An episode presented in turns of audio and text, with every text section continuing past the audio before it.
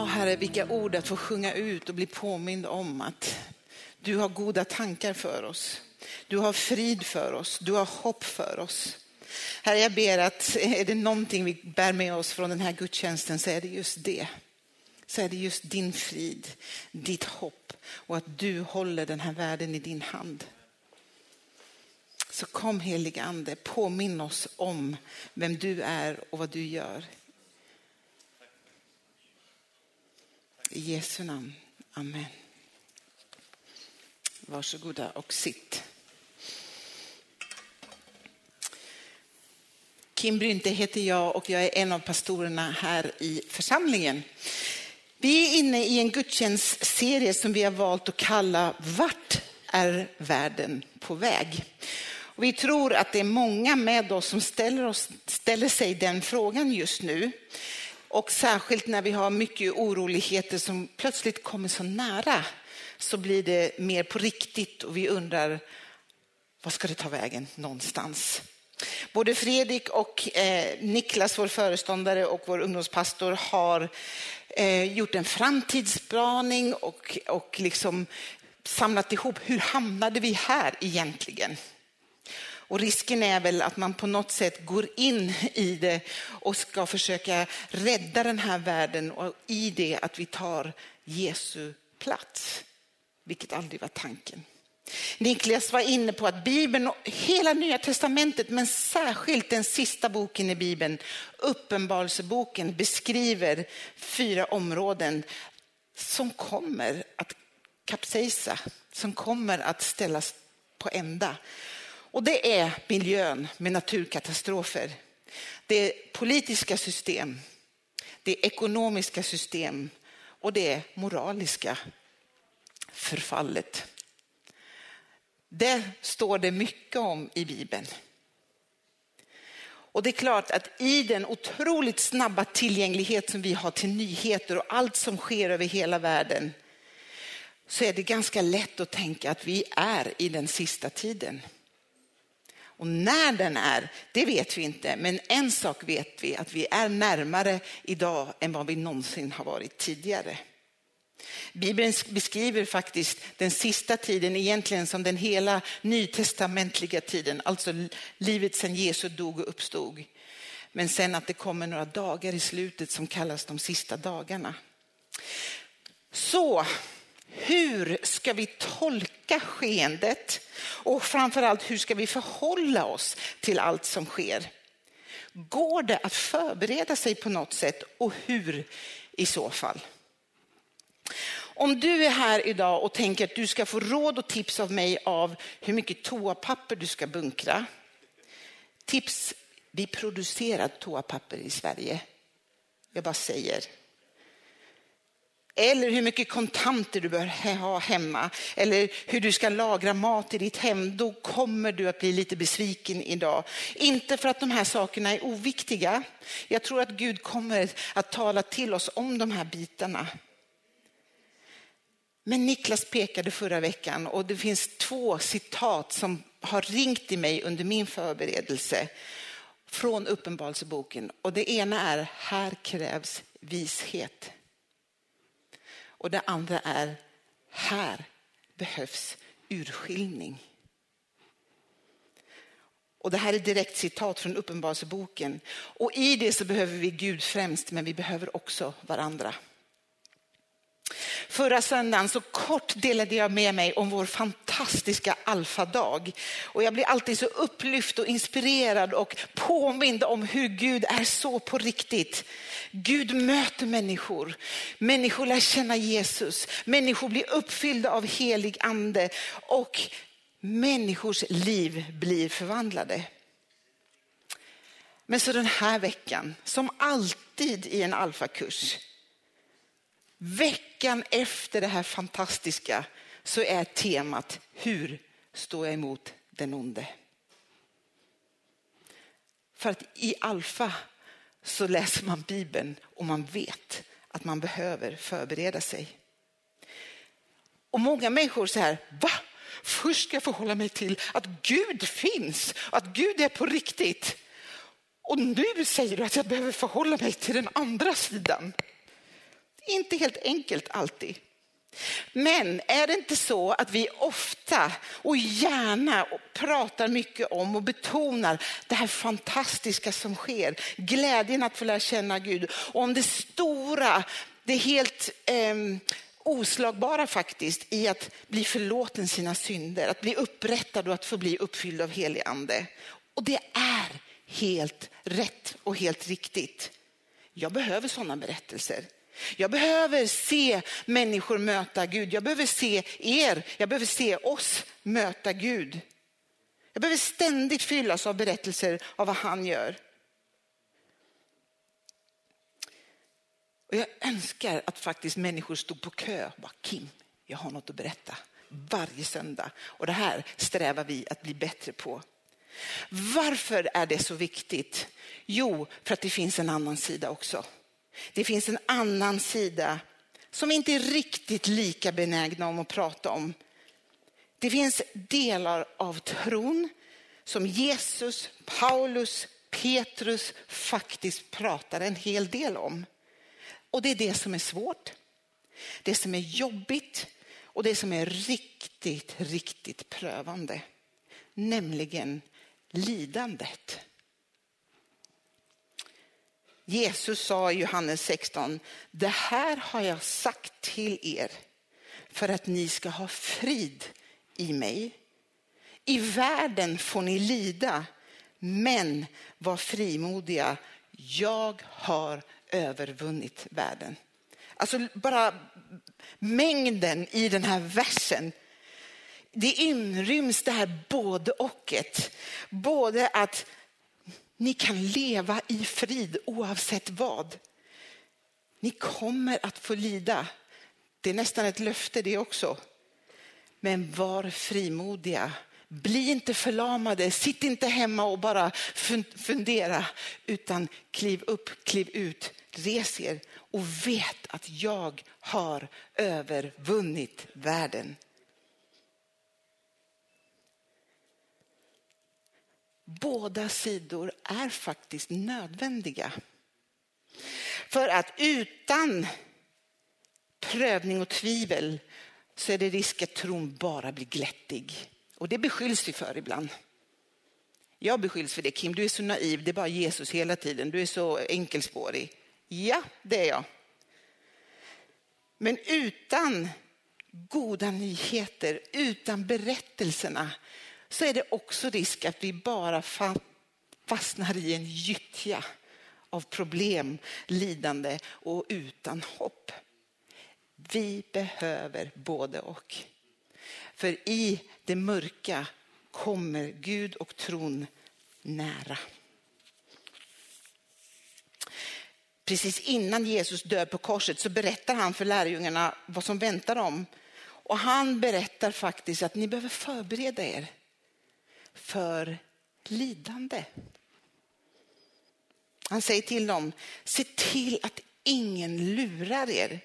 Många kommer i mitt namn och säger, jag är Messias. Och de ska leda många människor vilse. Och jag bara pausar där. Det här talar också om för mig, vi tänker också så här när vi som är uppvuxna och spenderar mycket tid i kyrkan att förin, för, eh, förvirringen och allt som, som står illa till, det kommer ske där ute. Men det är inte vad den här versen säger. Den säger den kommer ske här, mitt ibland oss. Så kommer folk säga, det här har jag hört från Gud, det här har jag hört, det här eh, är vad Gud säger. Vi behöver Gud, vi behöver varandra, vi behöver Guds ord för att urskilja. Här krävs det vishet. Här krävs det urskiljning. Jag fortsätter. Ni kommer att få höra rykten om krig. Ni kommer att höra rykten, eh, men, eh, jag börjar om. Ni kommer att höra om krig och om rykten om krig. Men låt er inte skrämmas. Det måste ske. Men det betyder inte att slutet har kommit. Konstiga ord, det måste ske. Och Niklas var inne på det förra veckan, att när vi anar att det här sker, då är det våran både förmån och våran rätt att få utbrista att halleluja, För det är ett tecken på att han kommer snart. När vi ser att det här sker, halleluja, Gud är och färde. Han kommer snart. Han uppmanade oss att vara ett bibelläsande folk, ett bedjande folk och ett tillbedjande folk. Precis som vi har gjort nu. Lovsången där vi själva blir liksom kalibrerade. Men också att få matas och att kunna ge hopp i en mörk värld.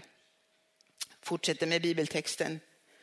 Folk och länder ska resa sig upp mot varandra och det ska bli hungersnöd och jordbävningar på den ena platsen efter den andra. Men allt detta är bara början på födsloverkarna. Man ska tortera er, man ska döda er, ni ska bli hatade för mitt namns skull och många kommer att förneka sin tro och förråda och hata varandra. Många falska profeter ska framträda och lura många när laglösheten ökar. Och då kommer kärleken svalna eh, hos de flesta. Eh, den kommer att kallna. Men den som håller ut till slutet ska bli räddad. Och evangeliet om riket ska förkunnas i hela världen till vittnesbörd. Sen ska slutet komma. Uppmuntrande läsning det här hörni. Ehm, men här, Jesus jämför det som med födsloverkar. Jag är kvinna, jag har fött tre barn. En förlossning kan, när man väntar, allra helst sitt första barn, vara lite skrämmande. Vad är det som väntar mig? Det kan göra förfärligt ont, den kan vara seg och utdragen, den kan vara intensiv. Men varje mamma får också hjälp att förbereda sig så gott hon kan och möter dagen med skräckblandad förtjusning. Och tro mig, jag har fött fem kilos klunsar. Men i slutet av en graviditet så är man så tung och det är så varmt att man, och, och särskilt när verkarna kommer igång. Till slut når man en punkt där man bara säger, jag går igenom vad som helst bara för att bli av med det här. Inte barnet, men graviditeten. Man uthärdar, man håller ut och man samarbetar med skeendet. Och igen, ingenstans är tanken på att du ska gå igenom en förlossning ensam. Inte ens på Bibelns tid. Kvinnorna i byn samlades för att hjälpa till, hjälpa den födande kvinnan.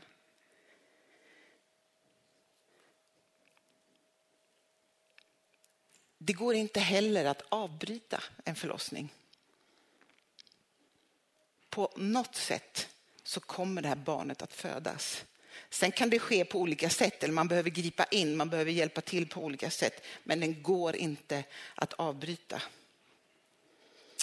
Den som håller ut kommer att räddas. Och i det så finns det också ett uppdrag till oss att berätta om Jesus i hela världen. Sen kan slutet komma. Och vi som sagt är närmare den tiden än någonsin. Men om vi någonstans är medvetna om att verken har satts igång så borde det också vara en enorm drivkraft för oss att bara kliva ut utanför dörrarna här, för i Malmö finns alldeles för många som ännu inte känner Jesus. Fredrik sa i sin predikan här att hela världen väntar med spänning, eller på en annan översättning så står det väntar ivrigt på att Guds barn ska uppenbaras. Hela Malmö väntar på dig och mig, att vi ska bära Guds närvaro ut i den här stan.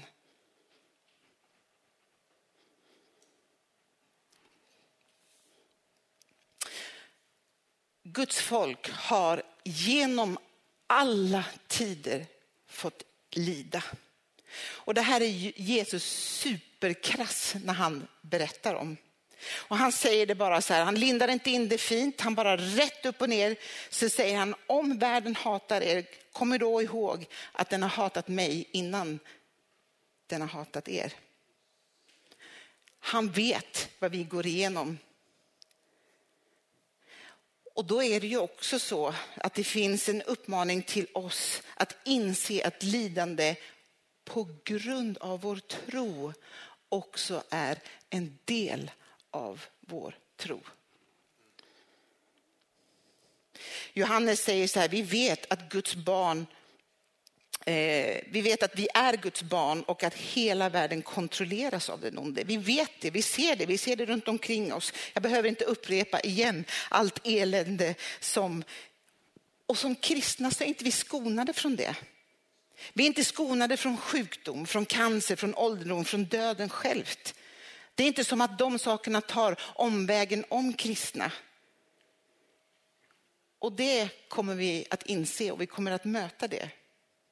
Och några av oss hoppas kanske att Jesus kommer tillbaka innan det blir för illa.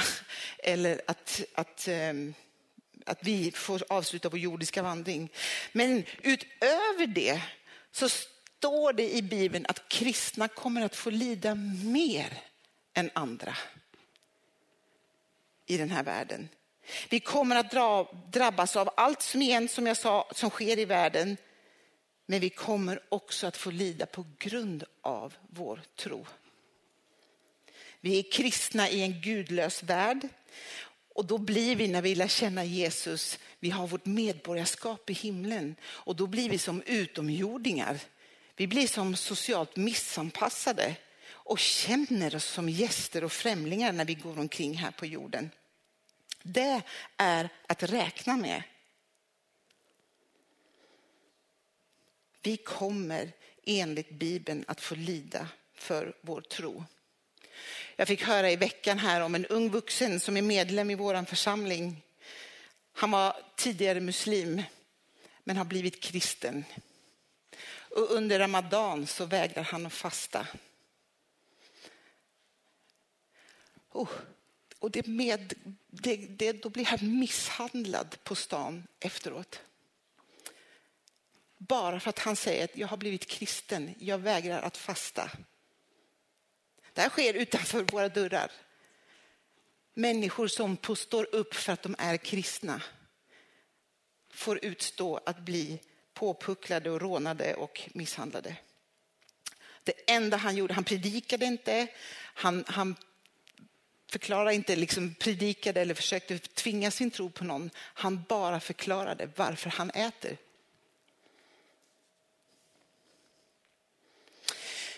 Men Bibeln är en historiebok. Den berättar hur saker har varit, men den också berättar om slutet. Och den är enda historieboken som ger oss hur alltihopa kommer sluta.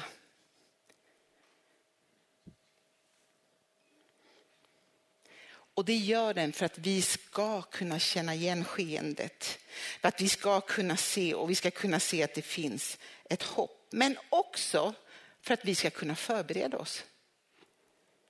Och Jag tror att det är så här att man förbereder sig för det man vet. Men det man vet om. Om det så är en sjukdom eller en graviditet, sekunden du får veta att du är gravid så tänker du liksom, okej, okay, vad behöver jag göra i stort och smått? Och fixa en sängplats, fick jag liksom, man, man ordnar saker, man förbereder sig. Och det här vill Bibeln hjälpa oss med. Och Bibeln identifierar fyra punkter som jag ska skicka med er. Det första är förvänta dig lidande. Förvänta dig lidande. Som sagt, man gör sig redo för det man förväntar sig. Det blir värre innan det blir bättre. Thessalonikerbrevet skriver så här så att ingen vacklar under dessa svårigheter. Det ingår i vad som ligger framför oss. Det visste ni redan. Medan vi fortfarande var kvar hos er så sa vi till er att ni kommer att få lida. Och så har det också blivit, som ni ju vet. Så det första är som sagt att lära sig att inte bli överrumplad, inte bli förvånad. Det ingår i paketet. Och vi behöver lära oss av berättelser och vi har många människor i vår församling som har fått fly från sina länder för att man inte har kunnat tro på en sak eller av andra anledningar. Lyssna på dem, berätta, för de har kanske kommit hit för att hjälpa oss att förbereda oss. Ett, eh, förvänta dig. Två, uthärda lidande. Oj, vad det här är uppmuntrande, hörni. uthärda, endure it. Det står om och om i Bibeln, den som håller ut till slutet.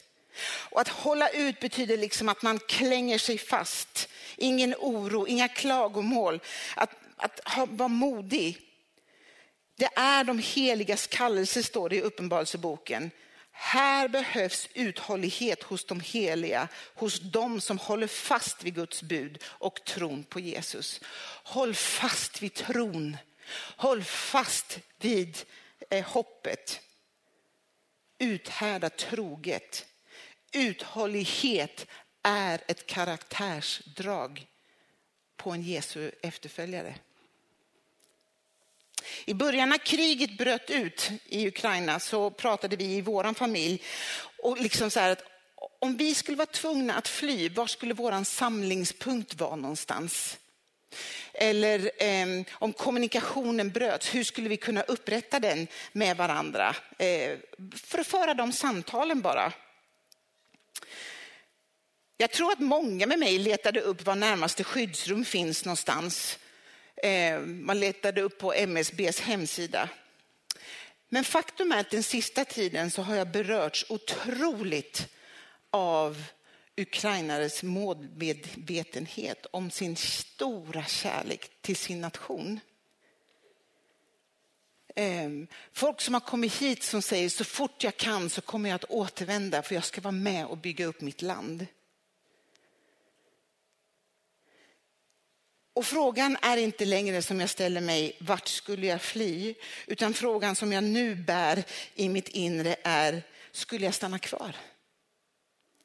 Skulle jag ta kampen för det rike som jag älskar? Även när alla andra flyr. När kärleken svalnar.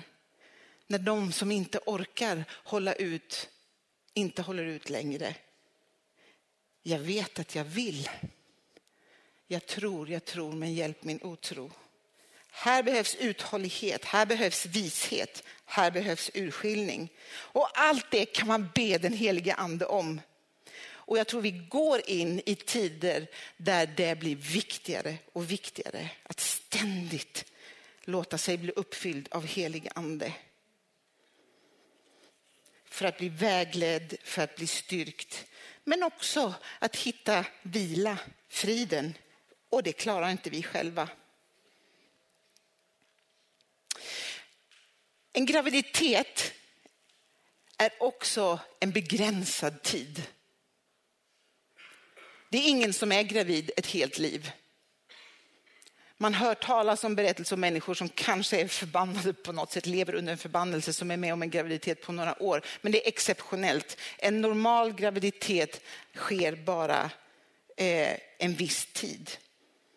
Och jag tänker också att det är ett hopp i det. Och även om vi upplever det, när man väl är på, på förlossningssalen så upplever man ju en förlossning som en evighet. Men det är den inte, den är en viss tid.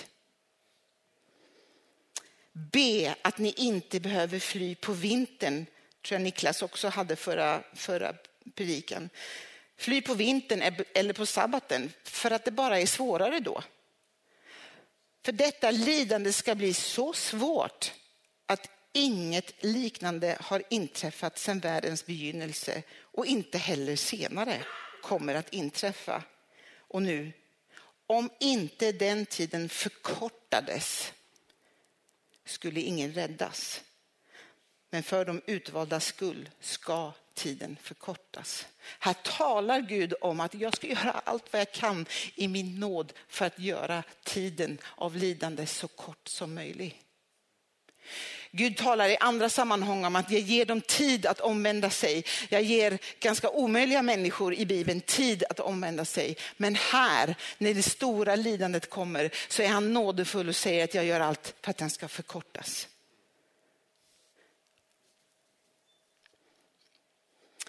Förvänta oss det. uthärda lidandet och det tredje är övervinn lidande. Inte bara uthärda dem, utan gör vad ni kan för att övervinna, för att komma över omständigheterna. Och ett sätt som Bibeln uppmanar oss till är att be för våra fiender. Be för de som är fientliga. Och det är bra att göra det nu när de kanske inte är så många eller nu när de inte är så aggressiva. Be för de som du bara känner att usch, kemin här mellan min kollega och mig kanske lite just nu. Be för den personen så tränar du dig och jag tror att vi alla har sådana människor i vår omgivning och de kommer bli fler och de kommer bli aggressivare. Bibeln säger till och med lär dig älska dem. Bibeln säger till och med välsigna den som förbannar dig. Det här är Guds rikes liksom agerandet. Det mänskliga agerandet är att, jaha, du har minsann, eller du, jag ska ge igen. Jag förbannar tillbaka. Men den kristna reaktionen är att välsigna.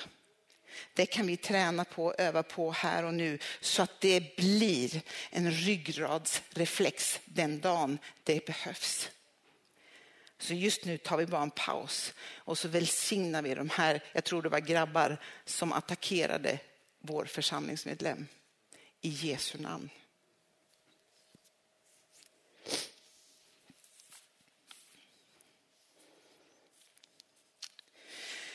Vi har sagt att i vår vision vill vi hjälpa varandra att följa honom i allt och förbereda varandra, öva på och med varandra, bär varandra, uppmuntra varandra, bygg upp varandra så som ni redan gör, fast ännu mer, säger Bibeln i första Thessalonikerbrevet 5 och 11. Förvänta oss det, uthärda det, övervinn det. Och jag kommer till en nyckel till, men, men den kommer i, i att övervinna. Men det sista punkten som Bibeln säger till oss, och den är på gränsen till magstark, eller, eller jag vet inte, ni får se. Men det är glädjer i det. Glädjer i lidandet. Det är lite makabert. Eller överraskande åtminstone. Ropa halleluja med glädje. Apostlagärningarna säger att apostlarna lämnade rådsalen glada över att de hade ansetts värdiga att förnedras på grund av det namnet. Tänk när vi äger den liksom attityden. Vilken text, vilket uttalande. Och när de samlas för att be senare, då ber de inte att hindra förföljelsen, utan de ber Gud ge oss kraft att vara ännu mer frimodiga. Varför? För de kunde sin bibel. De visste att uppdraget, eller att nu är födsloverkarna igång, för det tänkte man redan då. Nu har vi ett uppdrag att berätta för alla runt omkring oss. Jag hörde om ett bönemöte i Indien där man regelbundet bad för andra kristna. Och så kom nyheterna om att i grannlandet Nepal så satt nu kristna arresterade på grund av sin tro. Och i det här indiska bönemötet så börjar man be för de kristna. Herre, släpp dem så snart som möjligt. Håll dem säkra, bevara dem i fängelset. Och så fortsätter de tills en kvinna plötsligt ber. Herre, varför gav du dem äran att lida för dig och inte oss? Vilken bön. Skulle du be den? Jag vet inte om jag är där ännu. Men det jag vet är att hon har lärt sig någonting av att glädja sig över eh, lidande. Förvänta dig, uthärda, övervinn, gläd dig. Och det finns en rad böcker i Bibeln som du kan läsa med de här glasögonen. Apostlagärningarna, egentligen skulle den heta Apostlaprövningarna, för det är ju inte annat än elände precis hela tiden genom den boken. Korinthierbrevet kapitel 4, 6, Hebreerbrevet, första Petrus, han som säger se till att du lider för det som är rätt och inte för det som är fel. Och här finns en viktig, att lida för att du själv har syndat, det kan du ordna upp. Och nyckeln till det heter korset och förlåtelse. Vi pratade om det på Alfa i torsdags, vilken otrolig kraft det finns i förlåtelse. Både att vi har blivit förlåtna av Gud, men också att vi kan förlåta varandra. Det är så förlösande och så fridsbringande att bara göra det som är rätt. Låt oss komma överens om att leva liv i förlåtelse och uthärda det hårda arbete som försoning och upprättelse innebär.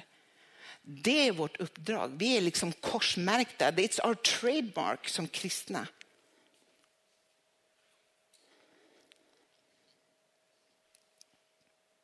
Bli kvar i mig, säger Jesus också. En gren som inte sitter ihop med trädet vissnar, dör.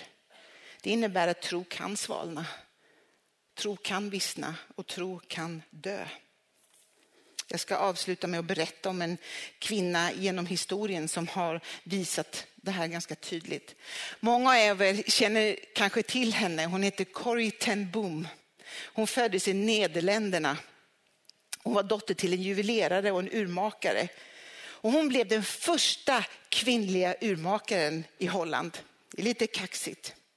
När andra världskriget bröt ut så gömde hon och hennes familj judar bakom en finurlig konstruktion i just Corries rum. Och varje gång tyskarna kom för att inspektera så hade de installerat ett litet surrande liksom larm. En varningsklocka som gjorde att alla som var i huset snabbt kunde ta sig till gömstället. Och där trängde de ihop sig och undvek att bli dödade. Men så är det någon som anger familjen, skvallrar på dem. Och de blir först satta i fängelse. Och senare blir de satta i koncentrationsläger. Men mitt i det mörkaste mörker så är Gud där. Och han gör under mitt i det där lägret. Corrie har en syster som heter Betsy och hon lider av en sjukdom. Och precis när de ska bli arresterade så får Corrie med sig hennes flaska med medicin. Och hon behöver en daglig dos av den här medicinen för annars överlever hon inte. Och trots att hon blir visiterad, avklädd, så lyckas den här flaskan passera och följa med in på lägret. Men väl inne, när de kommer in i hennes byggnad, så möts Corrie av en troskris. För att i det huset så finns en rad människor med samma åkomma, samma sjukdom som systern. Vad gör jag nu? Om jag delar ut till alla så kommer medicinen inte räcka särskilt lång tid alls. Ska jag bara ge till min syster och det kommer ändå inte räcka mer än en tid innan det tar slut. Hur gör jag nu? Ett moraliskt dilemma. Men hon bestämmer sig för att dela ut till alla som behöver. Och varje dag i en hel vecka så radar de upp sig och hon får en sked med medicin. Alla får en sked med medicin. Och det gjorde hon hel vecka. Och det gjorde hon nästa vecka också. Och den veckan blev en månad. Den månaden blev flera månader. Medicinen tog aldrig slut. Och till slut hade hela det här lägret hört talas om mirakelflaskan. Och hon en dag ställer sig och ska dela ut till alla den dagliga dosen medicin. När plötsligt flaskan tar slut. Och hon möter ytterligare en troskris. Men Gud, varför nu? Varför idag? Här har du försett med medicin mirakulöst så länge och så bara tar den slut. samma dag kommer ett paket från Röda Korset med en ny flaska medicin. Corrys pappa och syster dör ändå så småningom. Ehm, och Corrie frisläpps av ett misstag. Man förväxlar hennes fångnummer med någon annans. Strax innan kvinnor i hennes ålder blir ihjälgasade. Men hon ägnar sen hela sitt liv att dela sin berättelse. Hon har skrivit böcker, bland annat Gömstället där hon berättar om och tar på sin uppgift att förbereda särskilt kristna för lidande. I Kina till exempel så har man fått en felaktig undervisning om att kristna ska vara skonade och Gud kommer hämta alla kristna innan det sista eh, uppryckandet av massa snurriga idéer. Men om Gud har skrivit och gått till så mycket besvär om att skriva hur det kommer bli i Bibeln så är det inte för att skona oss och lyfta upp oss utan det är för att förbereda oss. Familjen Tembum hade förväntat sig svåra tider. De uthärdade angiveri, fängelse, koncentrationsläger. De övervann genom att leva ut Guds generositet till andra. Och de gladde sig över Guds godhet och att vara Guds enkla tjänare. Hon bejakade sin tjänst att hjälpa andra. Karin ten Boom är och undervisar på en plats när hon plötsligt ser att längst bak sitter en officer, en tysk officer som ansvarade för hennes eh, på koncentrationsläger.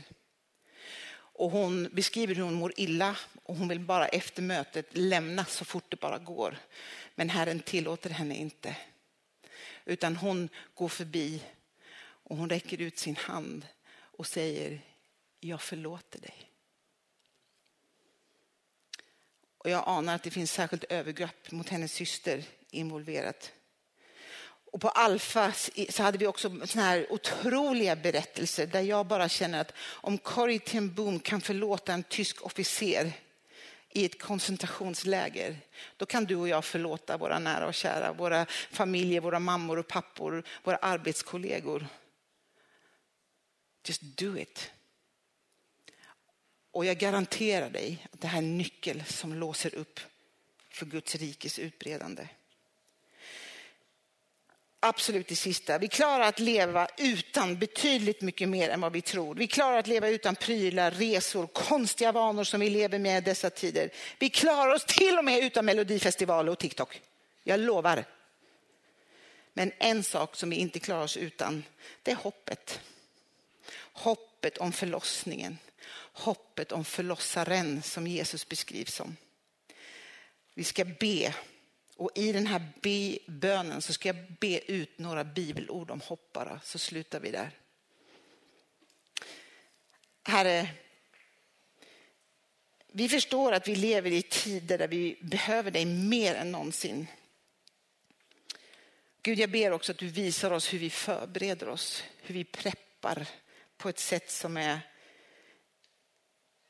God honoring, ett sätt som ärar dig. Herre, jag ber också att för den som behöver det idag, bara påminna om hoppet om att du är den stora förlossaren. Påminn om att den här tiden är begränsad och att den stora segern är det som finns bortom. Herre, vi är glada i hoppet, uthålliga när vi får lida och i det ber vi ständigt. Herre, hoppet gör oss inte besvikna för du Gud har ingjutit din kärlek i våra hjärtan genom helig ande. Herre, låt oss ständigt hålla fast vid hoppet som vi bekänner oss till. För att du har gett oss löftena och du är trofast. Herre, tack för att vi är räddade i hoppet. Ett hopp som man redan ser uppfyllt är inget hopp. För vem hoppas på något som redan har hänt? Allt som har skrivits i ditt ord är till för att undervisa oss och för att vi genom uthållighet och tröst från skriften ska kunna hålla fast vid hoppet. Och Herre, medan vi ser fram emot det lyckliga hoppet att vår store Gud, vår frälsare Jesus Kristus ska komma i sin härlighet. Amen. Vi ska sjunga en sång som bara påminner oss om vem Jesus är och vad han har gjort. Hörnsten. Och att vi får bygga våra liv på den hörnstenen. Och jag vill också bara säga att du är välkommen att fira nattvard och när du gör det så förkunnar du hans namn till dess att han kommer.